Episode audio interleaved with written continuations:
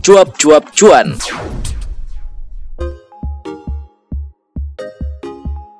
Hai, saya Gusti dan kalian sedang mendengarkan podcast paling santuy dan berfaedah Cuap-Cuap Cuan. Uh, Cuap-Cuap Cuan ini podcast dari CNBC Indonesia ya dan kebetulan uh, ini sebenarnya kita mau meluncurkannya udah lama cuma keadaan Indonesia kan lagi kayak begini jadi agak susah juga mencari-cari temanya dan mencari-cari narasumbernya buat kita ngobrol-ngobrol bareng di podcast ini. Tapi uh, akhirnya alhamdulillah saya dapat tamu luar biasa yang bersedia datang ke cuap-cuap cuan untuk episode-episode awal ini dan beliau adalah ekonom yang sangat ternama dan mumpuni yaitu Bang Faisal Basri. Selamat datang Bang Faisal. Terima kasih banyak loh Bang udah mau hadir di tengah situasi yang social distancing dan apalah ini disebutnya oleh pemerintah kayak gitu. Nah, uh, tema kita di cuap-cuap cuan episode ini ini adalah segmen segmen kita namanya segmen panas dingin. Uh, membahas ide, ide apa? Membahas isu-isu terpanas dengan kepala dingin maksudnya. Jadi ini kita ada beberapa segmen bang ya. Ini segmen panas dingin. Nah kebetulan isu terpanas kali ini adalah soal corona. Corona dan tentu dampaknya kepada ekonomi kita kayak gitu. Nah ini saya lihat-lihat blognya Bang Faisal itu seminggu udah posting tujuh tujuh kali. Eh seminggu tuh udah lima kali tiga corona tulisan. Iya corona semua. Dan terakhir ini judulnya bikin deg-degan. Judulnya yang diposting tadi malam sama Bang Faisal adalah menghadapi kemungkinan terburuk. Emang kemungkinan terburuk apa sih bang yang kita hadapi sebagai negara ini dengan adanya corona gitu? Dunia dulu ya. Kalau oh, dunia. dunia itu uh, sekarang sudah 176 negara. 176. Ada 195 negara. Berarti 90% negara sudah kena. Ini okay. tidak pernah terjadi pandemi sedemikian luas pernah dulu, hmm. tapi kan belum mengglobal. Hmm. Uh, tahun 400 kalau nggak salah itu uh, uh, penduduk Asia dan uh, Eropa jutaan meninggal. Hmm. Tapi sekarang kan persebarannya luar biasa dan semua orang belajar. Hmm. Uh, semua masih prediksi hmm. gitu, mas meraba-raba ini sampai kapan dan sampai seberapa jauh. Hmm. Uh, yang paling mudah kita telusuri adalah Amerika kan hmm. karena Amerika sedemikian terbuka hmm. uh, sudah 100 lebih meninggal sudah heboh hmm. Presiden Donald Trump juga sudah nah, mulai bukan. cool down hmm. gitu ya uh, tidak apa main tuduh klaim gitu-gitu hmm. uh, obatnya dicoba misalnya dengan keadaan darurat hmm. uh, 50 miliar dolar ditaburkan Stimulus. uang tidak mempan. Pasar turun 10%. Kemudian bank sentralnya turunkan suku bunga sampai the Fed ya? no, the Fed, bank BI-nya Amerika menurunkan suku bunga sampai nol, ya, hmm. nol sampai 0,25 gitu ya. Itu oh, awalnya uh, uh, uh, eh, besoknya hmm. itu turunkannya hari Minggu loh. Hmm. Jadi libur-libur juga kalau di kita kan nggak pernah ada itu. Libur-libur mereka kerja Seninnya saham anjlok 10%. Besoknya lagi di terapi lagi oleh uh, Gedung Putih stimulus besar-besaran. 850 miliar dolar. Hmm. Ini uang loh nih. 850 miliar dolar sampai 1 triliun dolar. Bahkan rakyat Amerika di di akan diberikan uh, uang hmm. seribu dolar kalau uangnya cukup barangkali 2000 dolar gitu-gitu pokoknya segala upaya dilakukan Semalam indeks turun 6% juga. Jadi apa? Ketakutan akan terjadinya resesi.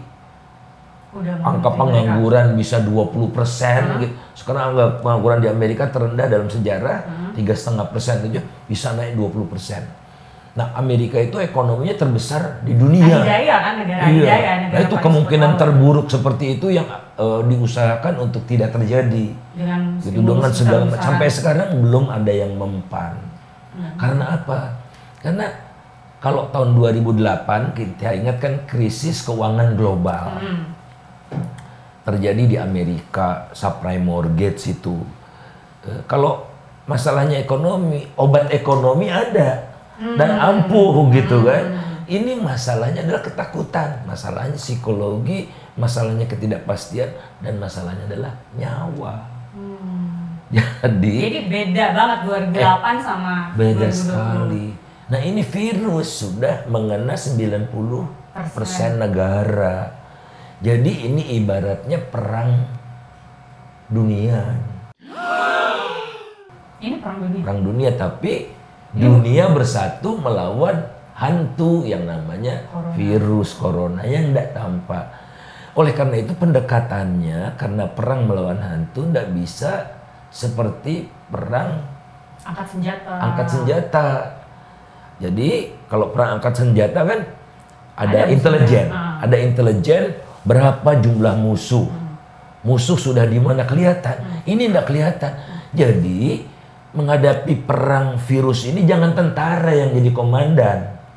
Kalau di kita kan tentara yang jadi komandan. Padahal perangnya beda. Pak itu kan BNPB, BNPB. itu tentara.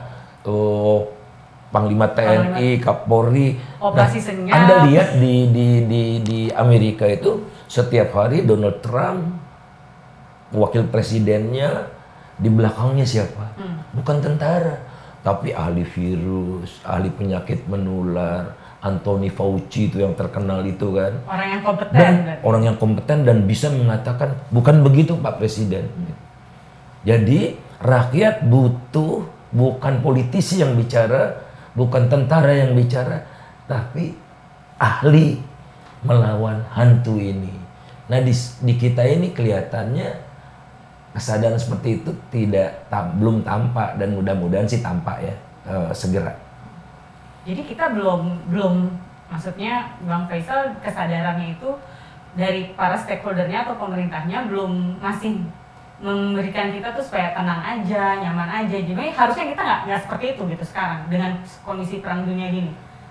satu-satunya cara untuk menghambat gerak musuh itu adalah dengan membatasi ruang gerak musuh. Jadi musuhnya kita tidak tahu, tapi mudah-mudahan pemerintah ada data. Makanya harus terbuka ini, tidak rahasia-rahasiaan gitu. Eh, kalau presiden eh, eh, tesnya negatif, umumkan supaya alhamdulillah presiden kita sehat gitu kan. Alhamdulillah Manji apa kita tentara-tentara kita siap tempur gitu kan. Tapi kalau presidennya bilang tanya saja kepada yang ngetes, aduh udah udah repot gitu. Jadi harus betul-betul komunikasinya juga propagandanya juga harus bagus. Kemudian kalau kita lihat eh eh, perang kan butuh logistik, tapi bukan Zeni yang diterjunkan. Jadi misalnya alat-alat berat tentara tuh tank kan oh mau melintas apa sungai kan bikin jembatan darurat. Seperti itu kan kalau perang. Nah, kalau ini amunisinya apa? Test kit. Jumlah tempat tidur berapa? Tenaga medis medis. berapa? Dokter berapa? Perawat berapa? Rumah sakit. perlu di training seperti apa, kemudian alat pelindung diri mereka. Karena kalau mereka rentan jadi korban, wah mereka tidak bisa mengobati Itu yang sakit. terdepan ya. Nah itu ndak ada nih war roomnya yang dipimpin oleh komandan yang bukan tentara. gitu. Boleh tentara tapi membutuhkan tentara yang seperti apa gitu. Tapi intinya adalah yang punya leadership, punya pengetahuan, punya pengalaman luar biasa. Karena apa? Karena yang kita hadapi bukan kondisi normal. Jadi contohnya sekarang darurat tertentu. Saya pusing. Lockdown. Pemerintah tidak pernah mengatakan lockdown tidak boleh tapi tidak pernah didefinisikan namanya lockdown gitu. Kan lockdown ada yang namanya dari luar negeri gitu ya. Ada lockdown misalnya oke ada pusat tertentu. pus- apa yang diperkirakan Pusat eh, penyebaran. eh, pusat penyebaran atau apa namanya itu eh, ya pusat penyebaran lah eh, data ada segala macam nah misalnya misalnya Depok nih oh Bu Depok nah De- Depok yang di Hmm. Lockdown. di lockdown pengertian lockdown apa? Pokoknya diisolasi, tidak berarti orang tidak boleh keluar rumah sama sekali, enggak gitu. Boleh belanja, tapi belanjanya online. Pokoknya macam-macam seperti itu. Dan itu sementara kok, bukan se- sepanjang tahun. Setidaknya sebulan. Awalnya dua minggu dulu, tapi sebaiknya setidaknya sebulan. Tatkala sebulan itu selesai, percayalah insya Allah gerak ekonomi akan ping cepat naik lagi. Jadi sekarang bisa dibilang kita lagi nggak confidence nih dengan segala situasi Nah, kayak karena tidak ada upaya untuk mengisolasi musuh, musuh masih bisa ke mana-mana. ke mana-mana dari serga, berbagai arah yang kita tidak bisa lihat, maka orang khawatir. Jadi kita perlu lockdown. Lockdown terbatas. Jadi lockdown secara parsial yang memang di Iya pusat-pusat. betul. Misalnya juga misalnya, oke, eh, kan insya Allah sebagian besar Indonesia itu masih bersih ya. Iya. Oh, Ambon misalnya Manado, nah itu jangan di- didatangi ya. oleh sumber eh, corona yang Ya, Dari sini dari sini sana. misalnya seperti itu. Nah, apa konsekuensinya bagi mereka? Pemerintah bantu, apalah bagaimana memperkuat logistik, bulognya, eh, apa eh, pelayaran ke sananya beres supaya harga-harga tidak naik. Itulah. Jadi eh, segala upaya yang pertama adalah mengisolasi agar musuh itu tidak merembet ke mana-mana.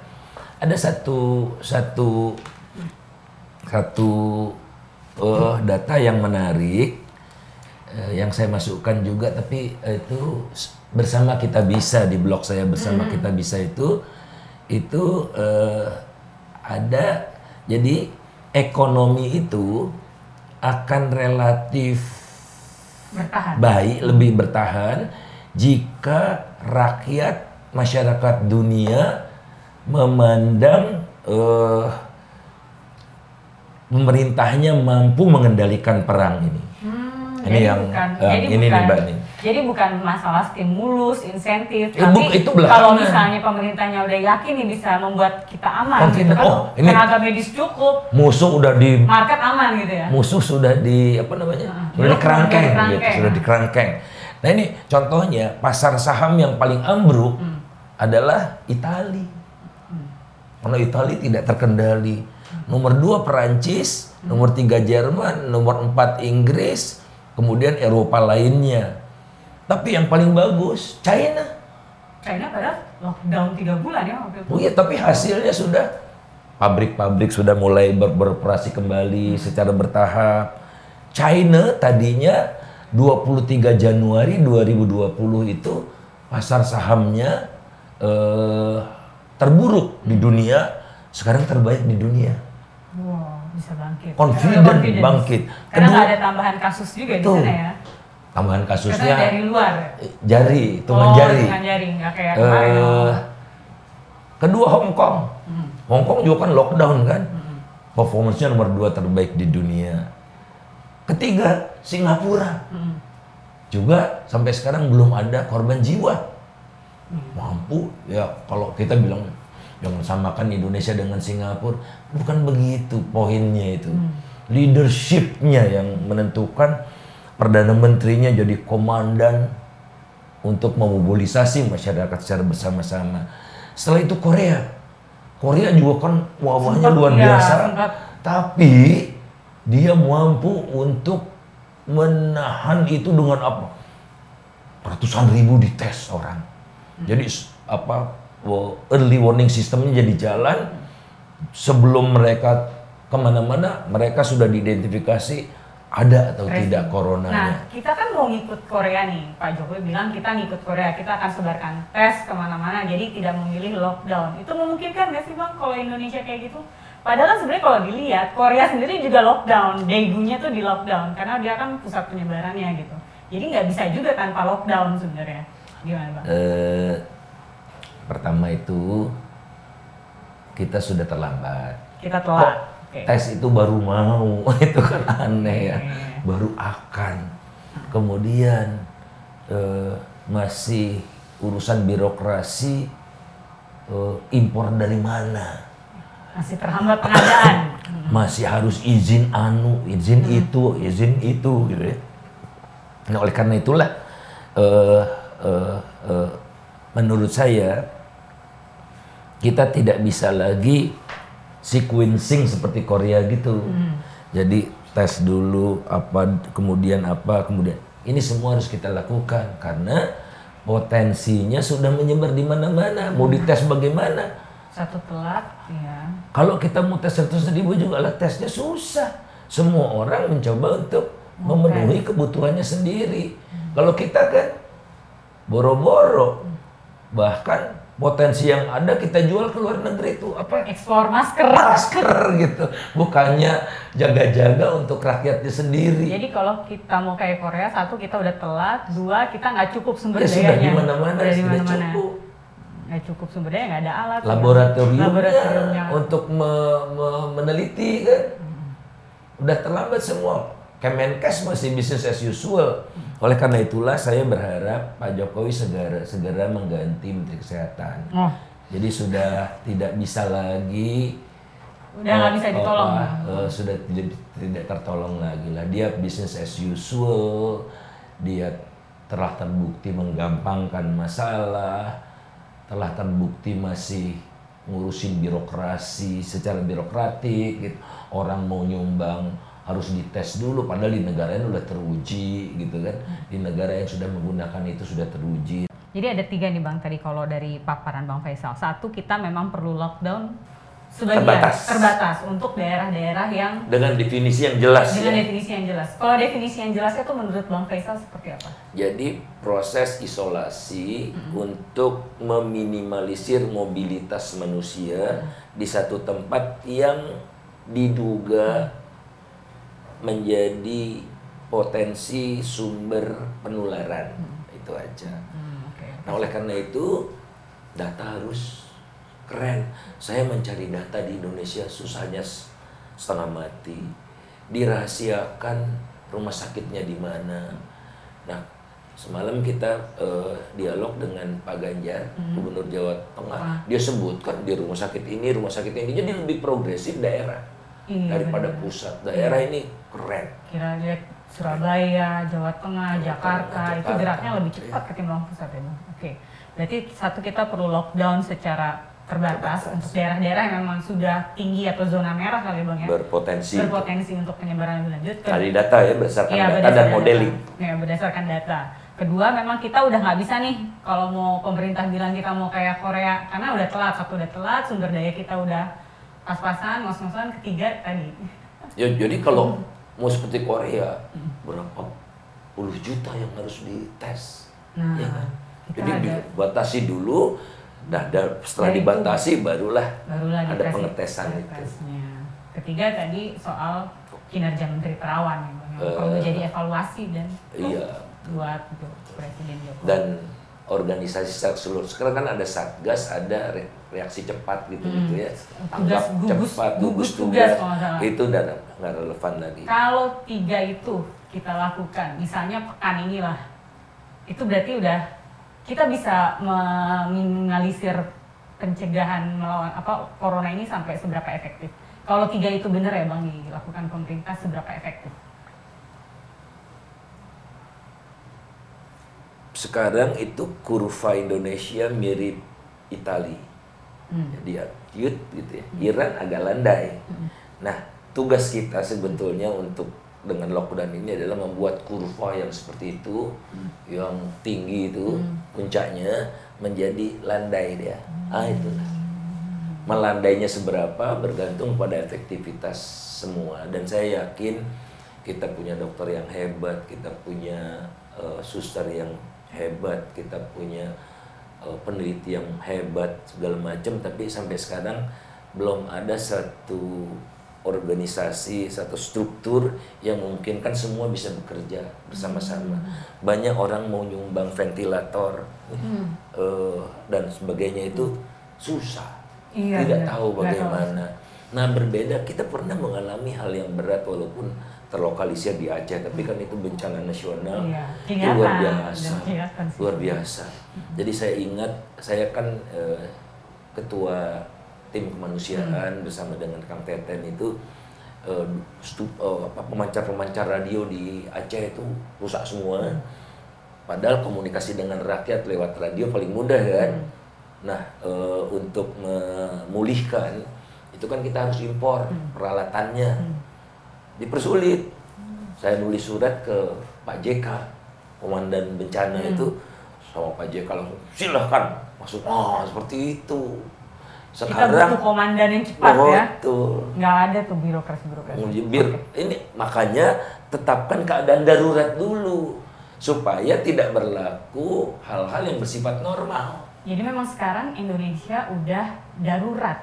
Tapi tidak Jangan darurat apa? Nah, daruratnya. tertentu. Darurat tertentu. Jadi darurat nasional yang memungkinkan misalnya ini kan kita menghadapi perang, tidak ada orang mau eh, membantu kita karena semua negara kena, maka kita harus membantu diri Mandiri, sendiri iya. kan.